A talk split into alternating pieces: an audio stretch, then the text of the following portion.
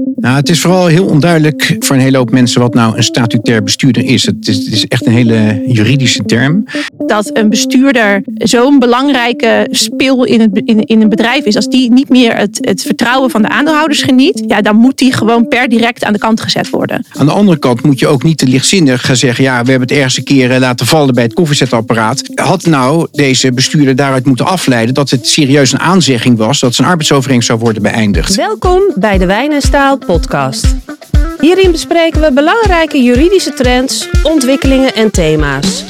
Kortom, jouw podcast om bij te blijven. Welkom iedereen bij alweer de achtste aflevering van eh, de podcast van Wijn Staal. Ter zake, de, nou ja, de leukste podcast van Nederland over arbeidsrecht, eh, al zeg ik het zelf. Vandaag hebben we een hele leuk gast. Um, een van mijn uh, bazen, Leendert Kruidenier van Wijn Staal Advocaten. Welkom Leendert. Hoi Maaike. Leuk, dat, je er bent. Ja, hartstikke leuk. Ja. Mooi thema. Ja, zeker. Ja, de Jij het luisteraars weten nog niet wat het thema is. Jij gaat het maar zo verklappen. Het thema van de, de dag is eh, de statutair bestuurder. is iets waar jij veel mee te maken hebt in je werk, Leendert. Klopt. Ja, Er zat een hele hoop gedoe over. Ja. En onbekendheid. Maar daar gaan we het eh, over hebben vandaag. ja zeker. Ehm, ja, de statutair bestuurder. Wat, wat, wat maakt de statutair bestuurder nou dan zo'n nou ja, lastig onderwerp? Of in ieder geval een ander onderwerp dan een gewone werknemer? Nou, het is vooral heel onduidelijk eh, voor een hele hoop mensen wat nou een statutair bestuurder is. Het is, het is echt een hele juridische term. Eh, we kennen eigenlijk meer de directeur van een bedrijf. En we denken een directeur die mag alles. Hè. De directeur is vaak een werknemer. Eh, maar heeft... eh, De directeur doet in ieder geval vaak alsof hij alles mag. Ja, hij doet vaak alsof hij alles mag. Hij gedraagt zich ook zo. En wij zeggen als juristen, kijk, die directeur die oefent het gezag uit. Die vertegenwoordigt de werkgever. Maar die directeur, en dat weten een hele hoop mensen niet, die kan ook nog bepaalde bevoegdheden hebben om eh, de onderneming, waar hij directeur van is, te vertegenwoordigen. En dat noemen we dan een statutair bestuurder als hij eh, benoemd is door eh, de aandeelhouders van de onderneming. Dan krijgt hij vanuit de wet bepaalde taken en bevoegdheden. Eh, waarmee hij bijvoorbeeld een overeenkomst kan sluiten. Of hij mag eh, eh, een, een bedrijfspand kopen. Of een huurcontract sluiten. Dus hij krijgt allerlei Ja. bevoegdheden om die onderneming te vertegenwoordigen, zeggen wij. En dat is dan een statutair bestuurder. Dus dat kan, is eigenlijk een soort hybride eh, eh, rechtsverhouding, zoals we het noemen. Heeft eigenlijk twee petten op. Aan de ene kant is die werknemer directeur en voor zijn mensen gewoon de baas van het bedrijf. En aan de andere kant heeft hij allerlei bevoegdheden die hij van de aandeelhouder heeft gekregen en die uit de wet volgen om de vennootschap eh, juridisch te leiden. Zo moet je het eigenlijk zien. Oké, dus daar is, daarin verschilt hij van de, nou ja, de normale Ja, werknemer-directeur. En niet ieder directeur is dus statutair bestuurder. Dus en hoe weet moet- je dat nou? Welke Nou, dan? dat, dat kan je weten, want ehm, je, je, bent pas een statutair bestuurder als je benoemd wordt door in dit geval de aandeelhoudersvergadering. Ja. En dat besluit moet je inschrijven in de Kamer van Koophandel, zodat ook mensen met wie je zaken doet kunnen zien wie nou de baas is van het bedrijf en wie nou eh, de vennootschap mag vertegenwoordigen.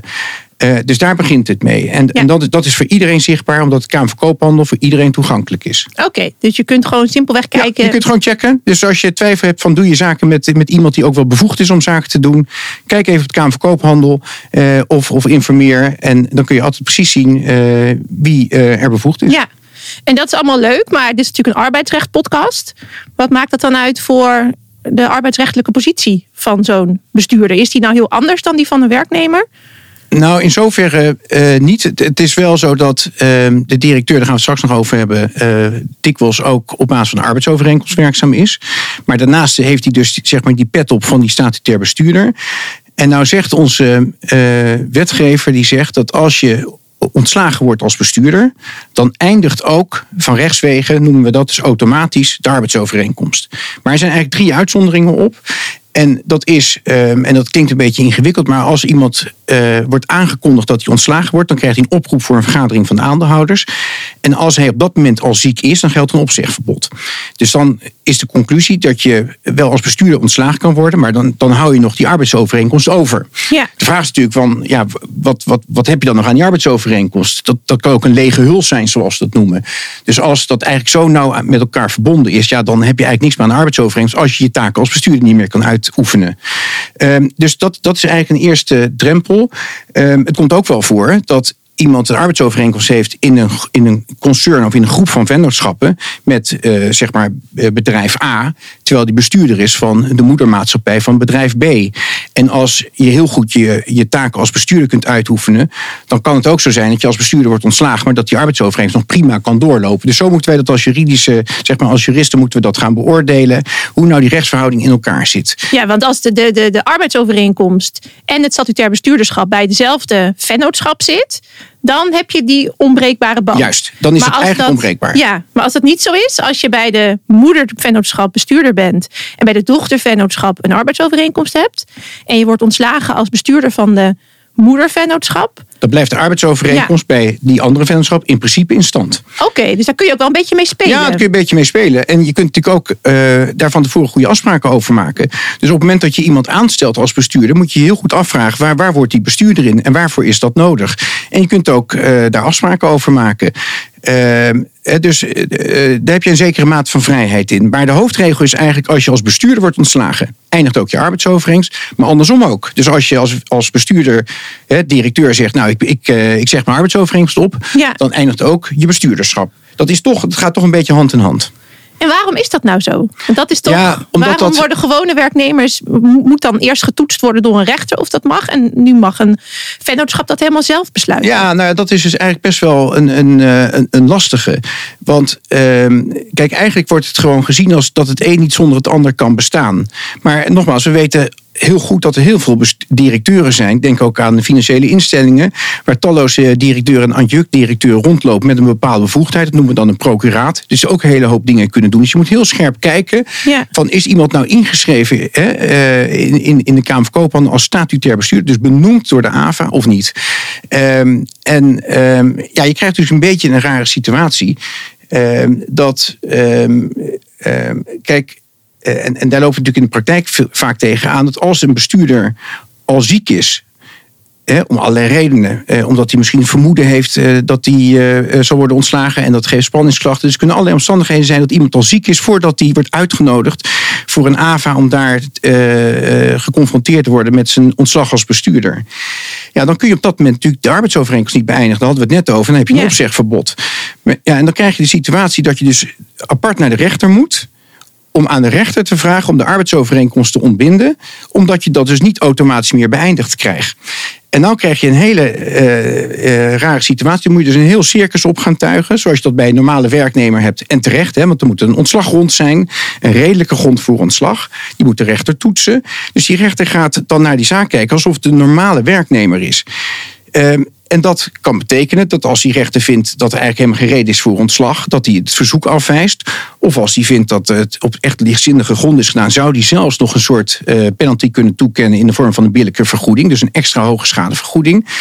Ja, en dat, daar heb ik eerlijk gezegd wel moeite mee. Want uh, zou die werknemer, hè, die tevens bestuurder is, niet ziek zijn geweest op het moment dat hij naar de AVA moet, dan was dus met één pennenstreek zijn arbeidsovereenkomst ook beëindigd. Want het ontslag van de bestuurder, hebben we net over gehad, leidt ook tot een beëindiging van arbeidsovereenkomst. Ja. En dan kun je afvragen, krijgt die bestuurder, heeft hij dan nog zoveel ontslagbescherming nodig door een hele eh, ontbindingsprocedure nog te doorlopen om dan die arbeidsovereenkomst beëindigd te krijgen? Ik vind dat eerlijk gezegd wel heel ver gaan. Ja, dat, snap ik. Maar aan de andere kant is het natuurlijk ook zo dat, um, en, ja, dat we in Nederland niet voor niks ontslagbescherming bij ziekte hebben. Dat de wetgever heeft gezegd van als je op dat moment ziek bent, dan vinden we het heel belangrijk dat je niet ook nog wordt belast met een ontslagsituatie. En ja, waarom zou dat voor een zieke bestuurder anders zijn dan voor een zieke werknemer? Ik snap hem eerlijk gezegd wel. Ja, ik vind het ver gaan. Kijk, ze zeggen ook wel hoge bomen vangen veel wind. Hè. De, de, eh, de wetgever heeft ook bepaald dat als je als eh, bestuurder ontslagen wordt en je gaat het aanvechten, uh, kun je ook geen herstel van de arbeidsovereenkomst meer vorderen. Dus het moet dan hoe dan ook eindigen. En het heeft ook een beetje te maken met het feit dat zo'n statutair bestuurder toch een iets andere positie heeft dan de werknemer. Dat is toch iemand die de vennootschap vertegenwoordigt, waar vertrouwen in moet bestaan vanuit de aandeelhouders. Ja, nee, en dat snap ik ook wel. En dat is volgens mij ook wel de achterliggende reden van het gebrek aan ontslagbescherming. Dat volgens mij staat de wetgever en volgens mij heeft de Hoge Raad dat ook als uitgangspunt genomen natuurlijk bij de arresten die waarin dat is uh, ja. bevestigd. Dat een bestuurder zo'n belangrijke spil in, het, in, in een bedrijf is. Als die niet meer het, het vertrouwen van de aandeelhouders geniet. Ja, dan moet die gewoon per direct aan de kant gezet worden. Volgens mij is dan zeg maar het, het, het, het ondernemersbelang gaat dan voor op het werknemersbelang. Klopt. Nee, Dus niet wordt- weg natuurlijk dat een bestuurder daarna nog wel kan gaan procederen. Want je zei net al terecht, er moet wel een redelijke grond voor ontslag zijn. Maar een bestuurder kan natuurlijk daarna nog wel Ja, gaan Dat procederen. recht heeft de bestuurder volledig. Hè, om, van, Ja. om, om vanuit zeg maar, zijn arbeidsrechtpositie nog te ageren tegen het lichtzinnige ont- ontslag. Maar ik zou er toch voor willen pleiten dat, dat daar eh, een, een soort marginale toetsing door de rechter op plaatsvindt. Ik vind dat je dat iets minder zwaar zou mogen toetsen. Dus meer vanuit de belangen van de onderneming denkend. Ehm, is, er, is de onderneming erbij gebaat dat deze bestuurder, die dus terecht ontslagen is, toch arbeidsrechtelijk aan die onderneming blijft hangen. Als de aandeelhouders eh, het vertrouwen zeg maar, in de bestuurder hebben opgezegd. Dat kan te maken, het hoeft helemaal niet verwijtbaar te zijn, maar het kan te maken hebben dat ze zeggen, joh, de onderneming zit in een bepaalde fase van ontwikkeling en die heeft gewoon een ander type bestuurder nodig. Of die ondernemer eh, ja, die heeft een andere visie op het, eh, op het beleid voor de toekomst. Nou, dat kan. dan, dan zijn er grotere belangen dan alleen maar het werknemersbelang. En dat is eigenlijk een meer hoe je dat inschat. Ik vind het verdedigbaar dat je dan als rechter zegt, nou dan kijken we ook met iets meer het oog vanuit het belang van de vennootschap dan vanuit het belang van in dit geval eh, de directeur, die dus Maar ontslagen denk je wordt. dat, dat, dat de rechters dat niet ook al wel een beetje doen? Dat ze de, de, de, de, de gronden die natuurlijk voor wisselt. alle werknemers gelden, voor, voor bestuurders niet sowieso wat soepeler invullen. Ik heb het idee dat, dat in de rechtspraak niet wordt verwacht dat je op het niveau van een bestuurder echt daadwerkelijk een verbeterd traject van zes of negen maanden doet met een, met een plan en tussentijdse beoordelingen. Volgens mij zien rechters ook wel in dat een dat een, een onderneming dat simpelweg gewoon niet kan leiden, zeg maar. Ja, dat wisselt. Ik had vorige week toevallig daar nog een zitting over bij de rechtbank in, eh, in Limburg. En dat verbaast mij dat die rechter daar toch wel wat werknemergezind was. Je hebt het, kijk, het is toch mensenwerk. En de ene Ja, rechter ja. Die, eh, eh, ja, die kijkt meer vanuit het eh, werkgeversperspectief of het aanhoudersperspectief. En er zijn rechters die, die toch meer die directeur ook vanuit de beschermende ontslagsituatie benaderen als een werknemer. En wat mij toch verraste is dat het hier zo evident was in mijn visie dat deze bestuurder niet meer kon aanblijven. Omdat zijn taken als bestuurder echt heel nauw verbonden zijn met gewoon zijn functie als hij was een CFO van een bedrijf. Ja, als je gewoon financieel eh, verantwoordelijk bent, dan zit je in de haarvaten van de onderneming. En dan zou het eh, toch in deze situatie niet werkbaar zijn als je geen Nee. bestuurder meer bent. De, de, Zo'n CFO is vaak met de CEO van een bedrijf, vormt hij het managementteam en een directie. Ehm, nou, en deze rechter vond toch om allerlei redenen dat eh, eh, in het verleden met deze directeur te weinig gesprekken waren gevoerd om eh, kenbaar te maken dat, dat hij zijn managementstijl moest bijstellen, dat hij op andere accenten moest focussen. En dat werd deze onderneming die ik dus bijstond, werd dat redelijk hard aangevreven. Terwijl eh, in de En is het verzoek da- daardoor afgewezen? ook, Nee, of we wachten nog op de uitspraak. Maar even op, eh, ja. dus gaf aan dat deze rechter daar toch heel erg meeging in de, in de ontslagbescherming van de werknemer. Terwijl ik toch heel duidelijk ook weer naar voren heb gebracht. En daarom vind ik ook dat die rechter terughoudend moet zijn. Kijk, had eh, dit bedrijf het goed gedaan, dan hadden ze deze eh, bestuurder eerst een uitnodiging overhandigd om. Eh, op een AVA te verschijnen, dus een algemene Ja. vergadering om te worden ontslaan. Dan was die man, had hij geen verweer kunnen voeren, was hij met een pennenstreek ontslagen. Nu had het bedrijf, dus ze moet op de blaren zitten, ehm, had het onhandig gedaan. Want ze hadden eerst in, in de wandelgangen tegen die man gezegd dat ze eigenlijk niet meer vonden dat hij kon worden gehandhaafd. Toen dacht die man, oeh, eh, ik ga mijn baan verliezen, ik meld me ziek. Daarna hebben ze hem pas de uitnodiging gegeven voor de eh, algemene vergadering. Met als gevolg dat we nu bij een rechter moeten eh, En, zijn was, en vond de bedrijfsarts hem ook echt ziek? Ja, die bedrijfsarts vindt hem ziek, want die heeft spanningsklachten genoteerd. Ja, ja, en omdat je. het bedrijf niet kan wachten om een, ja, Ja, eh, ja. In, in een nieuwe eh, directie te voorzien. Eh, zijn we dus nu aangewezen op een rechter. En dan verwacht je eigenlijk van de rechter, zegt ja, natuurlijk heeft mijn Ja. cliënt had het handiger kunnen aanpakken. Dan hadden we hier nooit bij deze rechter Ja. gezeten. En nu eh, wordt er wordt gesproken over termen van ja, hebben jullie nog wel genoeg eh, gesprekken gevoerd? En dan zou ik ook toch wel denken dat op dit niveau, het is toch meer een vertrouwenskwestie Ja. dan dat je met alle waardering een werknemer tegenover je hebt die je nog kan bijsturen met cursussen of, of, of, coaching. precies. Eh, omdat Daar dat toch een wat andere voor. betekenis aan moet worden toegekend dan iemand die het gezicht van het bedrijf is en nogmaals het vertrouwen van de aandeelhouder Ja. geniet. Dus je hoort wel dat ik er meer een voorstander van ben om wat lichter naar deze casus te kijken dan bij een normale werknemer. Nou ja, jij bedoelt volgens mij ook de toevalligheid dat iemand ziek wordt. Dat zou dan zo'n grote impact hebben eigenlijk op de onderneming. En dat vind je slecht verdedigbaar. Juist, ja, dat en, da- dat snap ik ook wel weer. Ik praat hier graag straks verder met jou over. Maar we gaan nu eerst naar onze vaste rubriek. Arbeidsrecht met Aniek.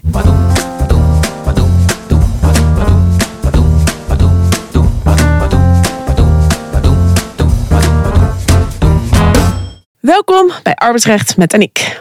Vandaag ga ik het met jullie hebben over bestuurdersaansprakelijkheid. Statutair, statutair bestuurders van vennootschappen kunnen in bijzondere omstandigheden aansprakelijk worden gehouden door de vennootschap zelf, intern, als door derden, extern. En wanneer een bestuurder aansprakelijk wordt gesteld, kan hij in zijn privévermogen, uh, in zijn privévermogen aansprakelijk gesteld worden voor de schulden. Nou is dat wel aan hele strenge voorwaarden verbonden. Zo vereist interne bestuurdersaansprakelijkheid dat een bestuurder een ernstig verwijt kan worden gemaakt ten aanzien van het vervullen van zijn taak. Hierbij kan je bijvoorbeeld denken dat een bestuurder de vennootschap in problemen brengt door de administratie ernstig te verwaarlozen. En voor externe bestuurdersaansprakelijkheid, dus voor derden, is het is het vereist dat een bestuurder persoonlijk een ernstig verwijt kan worden gemaakt. Dus dat is bijvoorbeeld als een bestuurder zijn taken niet uitvoert en daardoor een volledige organisatie failliet kan gaan. Dat was hem weer voor vandaag. En dan gaan we weer terug naar Maaike en Leendert.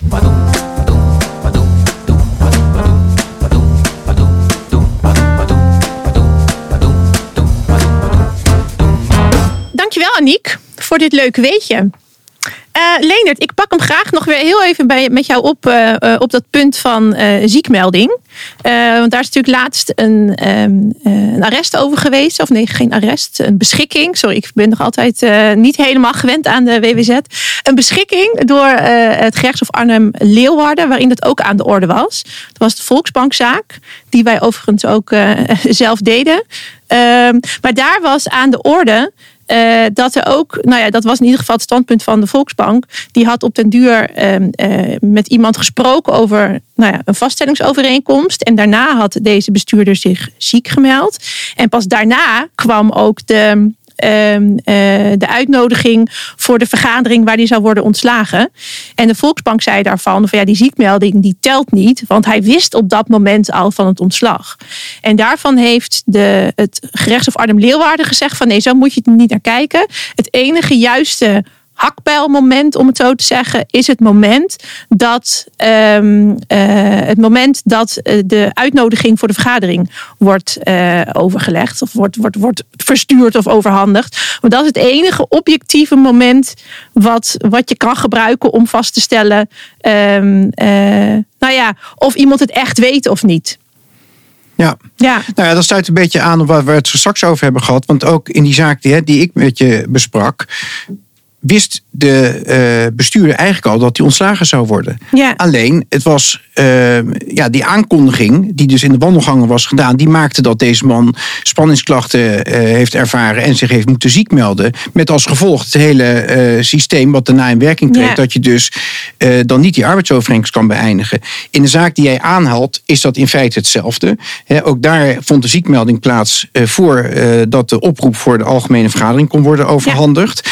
En ja, uh, is dat nou uh, terecht, wat het Hof in dit geval zegt, dat toch het pijldatum moet zijn, uh, het moment waarop je die uh, oproep krijgt?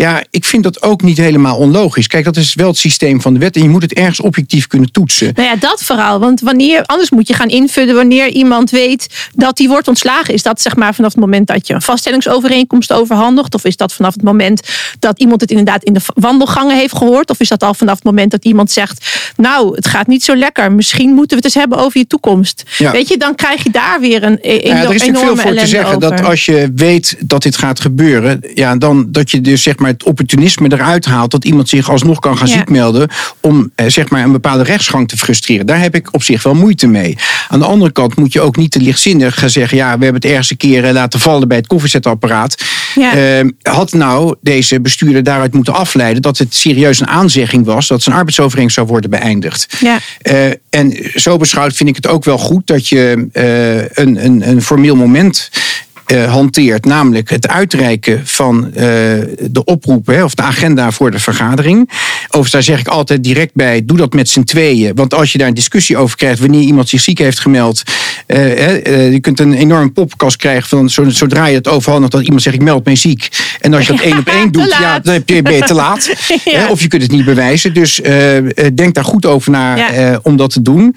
Maar het feit dat het nodig is om het eh, zo zorgvuldig te doen, eh, omdat je anders in bewijsproblemen komt en je net het goede moment moet kiezen, vind ik ook ongelukkig, omdat ik zou denken dat, dat we zo niet met elkaar zouden moeten omgaan. Waar gaat het in essentie om? Is dat je eh, moet kijken eh, of er daadwerkelijk een, een, goede reden is om iemand ontslagbescherming te geven.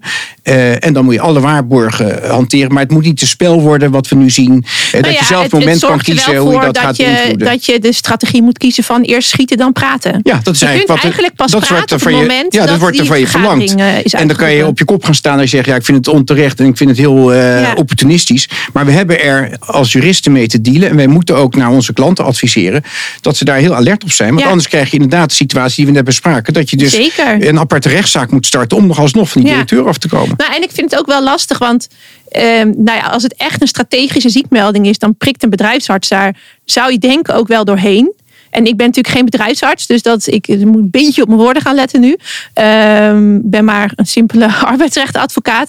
Maar ik denk inderdaad heel vaak, ja, tuurlijk levert het spanning op dat je een ontslagaanzegging hebt. Als jij mij nu zou vertellen dat, dat ik morgen word ontslagen, dan zou ik ook wel spanning krijgen. Ja? En wat zie je dus Ja. wat bedrijven vaak doen, of HR-managers, die weten dat ze morgen dat gesprek met jou gaan voeren. Jij weet dat zelf nog niet. Dus die bellen op maandag alvast met de bedrijfsarts. Of ze sturen een mailtje dat ze zeggen: morgen voeren we een gesprek met Maaike Faber om haar ontslag aan te zeggen.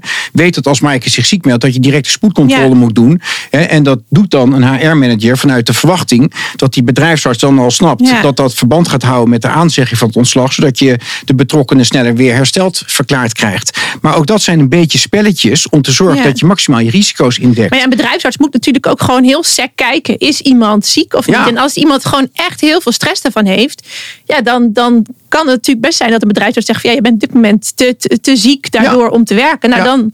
Ja. Ja, maar goed, iemand kan ook weer herstellen. En ook op kortere termijn. Net zoals bij een ontslagvergunning die je bij het UWV haalt. Eh, Kun je best een ontslagvergunning vragen. Maar als iemand te lang ziek is, kun je op een gegeven moment geen gebruik meer van maken. Maar mensen kunnen natuurlijk nog herstellen. Nee. Maar ja, het blijft iets. eh, iets, iets Iets, iets, het blijft een beetje wringen, om het zo maar Ja. te zeggen. Eh, ik. ja, dat, Ja. eh, dat, is jammer. Ja. Dat had eigenlijk eh, ja, dat had wat duidelijker gewoon geregeld moeten worden. Hey, en Leendert, nog even wat anders. Ehm, geldt eh, dit hele verhaal, die, die aangepaste ontslagbescherming, of eigenlijk de versoepelde ont- ontslagrecht, geldt dat nou alleen voor bestuurders van besloten vennootschappen en naamloze vennootschappen? Nou, goeie of ook vraag. voor stichtingen tegenwoordig? Nee, dat is heel goed dat je dat zegt. Ehm, we moeten goed realiseren dat vorig jaar, eh 1 juli, in het kader van nieuwe wetgeving, hebben ze eigenlijk ook die stichtingbestuurder, even om een voorbeeld te geven, hebben ze ook gezegd van kijk, die stellen wij gelijk aan een bestuurder van een besloten vennootschap of naamloze vennootschap. Dus ook daar zit de, zeg maar, die gebonden rechtsverhouding in.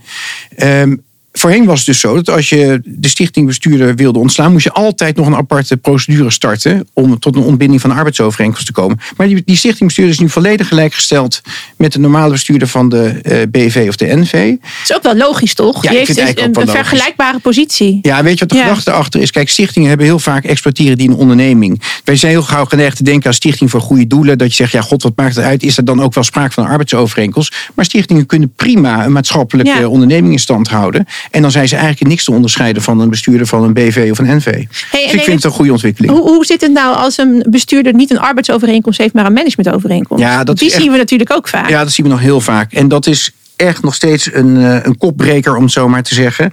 Rechters denken daar eh, verschillend over. Ehm, kijk, je kunt je afvragen of nou iemand die om fiscale redenen of administratieve redenen eh, een, een, een, een overeenkomst opdracht hè, of een managementovereenkomst aangaat, dus geen arbeidsovereenkomst. Of die dan meer ontslagbescherming moet krijgen dan iemand die een arbeidsovereenkomst heeft. Want heel vaak zie je, en ook vaak bij, bij, bij, bij eh, wat grotere ondernemingen of beursgenoteerde ondernemingen. eh, dan is er sprake van een managementcontract. Eh, de bestuurder die factureert zijn werkzaamheden met BTW op dagbasis of op, op, op weekbasis. Ehm, ja, kun je dan afvragen, eindigt dan, op het moment dat je als bestuurder ontslagen wordt, eindigt dan ook, naar analogie van de arbeidsovereenkomst, dus de managementovereenkomst. En daar zijn de rechters het niet over eens. Nee. In 2014 was er een rechtbank eh, in Utrecht die zei: luister eens, er is geen enkele reden om daar anders over te oordelen dan bij een arbeidsovereenkomst. Dus Ja, die ik vind- relatie is net Ja. als bij een arbeidsovereenkomst net zo hetzelfde. verweven met elkaar. Hè, en dat hield ook verband met eh, de wet die in 2013 daarvoor, eh wet bestuur en toezicht, eh, eh, in werking trad. Die zei dat bestuurders van beursfondsen geen arbeidsovereenkomst meer konden krijgen. Dus zei die rechtbank in Utrecht: waarom zou je nou iemand die een overeenkomst van opdracht heeft anders behandelen of Ja. meer ontslagbescherming geven? door te bepalen dat dat in stand blijft als je als bestuurder wordt ontslagen. Maar, maar even een kritische vraag. Eh, kunnen de luisteraars natuurlijk niet horen, maar ik heb mijn vinger opgestoken. Wat ik nooit snap in deze discussie: een managementovereenkomst kun je in principe te alle tijden opzeggen als opdrachtgever. Ja, klopt. Dus waar is al het gedoe? Over. Nou, je kunt toch gewoon zeggen dat het niet automatisch gaat. Dan zeg je toch gewoon: we ontslaan je als bestuurder en we zeggen je managementovereenkomst Ja, op. ja, nou kijk, het is een beetje ontstaan dat er eigenlijk twee smaken zijn. Je kunt een managementovereenkomst sluiten als, als eh, rechtspersoon. Dus jouw persoonlijke holding kan ook de opdrachtnemer zijn. En eh, de hele discussie is natuurlijk ontstaan doordat je ook in privé, dus als natuurlijk persoon, zoals wij dat noemen, eh, een managementovereenkomst kan sluiten. En dan kun je afvragen, ja, is dat dan een andere constructie in feite voor, eh, of een omzeiling van een arbeidsovereenkomst? Moet dan iemand die op een iets andere basis werkt, maar fulltime zijn, ar- zijn arbeid richt op het bedrijf, moet die anders worden behandeld dan op basis van een arbeidsovereenkomst? En daar is denk ik de verwarring een beetje over ontstaan. En het is goed te, te realiseren dat de Hoge Raad hier zich nog nooit over heeft uitgelaten. Dus eigenlijk zouden we een, pro- een proefprocedure moeten hebben die op een gegeven moment hier een keer duidelijkheid in geeft. Hoe ga je er nou mee om? Want wat ik net zei, die rechtbank in Utrecht, die vond dat dat kon. Terwijl het gerechtshof, wat de hogere rechter is, die zei nou nee, dat, eh, dat moeten we toch apart zien. En vandaar ook mijn tip aan, ehm, eh, aan, aan eh, juristen en andere deskundigen die zich hier met deze problematiek bezighouden. Als je een overeenkomst sluit, bijvoorbeeld een overeenkomst van management, omdat je een directeur wil aantrekken, schrijf daar goed in op dat al, op het moment dat ehm, eh, de algemene vergadering van aandeelhouders of de commissaris, hè, wie het, wie het eh, benoemend orgaan is, op het moment dat je als bestuurder wordt ontslagen, dat ongeacht de reden altijd die managementovereenkomst eindigt. Neem dat dus op, of in een aandeelhoudersovereenkomst, maar in ieder geval in een overeenkomst van opdracht, dat het een leidt tot de beëindiging van het ander.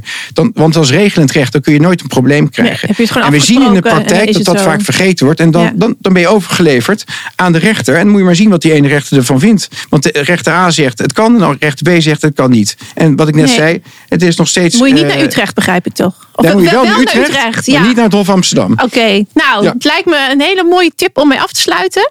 Ehm, we zijn alweer eh, aan het einde van deze podcast gekomen. Ik had nog veel meer dingen met je willen bespreken, maar de tijd is op. Nou, dat is hartstikke leuk. Ja, Dank voor de eh, uitnodiging. dank voor je aanwezigheid en jouw eh, eh, nou ja, levendige bijdrage daaraan. En ehm, voor alle luisteraars, dank jullie wel voor het luisteren. En graag tot de volgende keer. Dit was een podcast van Wijnen Staaladvocaten. Wil je meer informatie over ons kantoor of wat wij voor jou kunnen betekenen? Bezoek dan onze website wijnenstaal.nl.